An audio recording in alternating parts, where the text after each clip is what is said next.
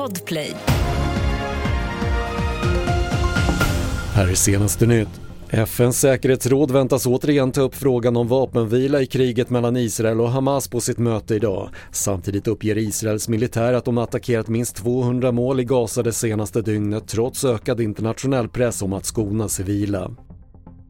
Virusexperter varnar redan nu för en sjukdomstopp i Sverige efter jul och nyår. Eftersom bland annat influensan, covid och RS-virus sprids samtidigt kan hälso och sjukvården få det tufft efter jul berättar Björn Olsen, professor i infektionssjukdomar. Framåt 13 dagen, då börjar det hända grejer. Och det beror på att man under jul och nyår har träffats väldigt många över generationsgränser från olika håll i landet. Man har rest in och så har man haft julfirande och sen så smittar man varandra och framförallt de som är äldre eller väldigt unga. Det är de som kan då plocka upp de här smittorna och bli svårt sjuka.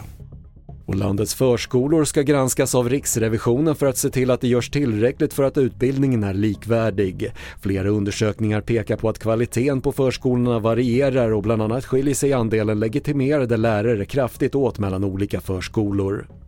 Fler nyheter hittar du på TV4.se. Jag heter Patrik Lindström.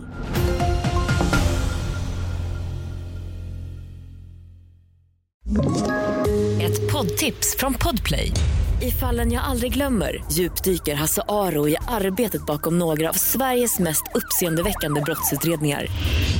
Går vi in med hemlig telefonavlyssning och, och då upplever vi att vi får en total förändring av hans beteende. Vad är det som händer nu? Vem är det som läcker?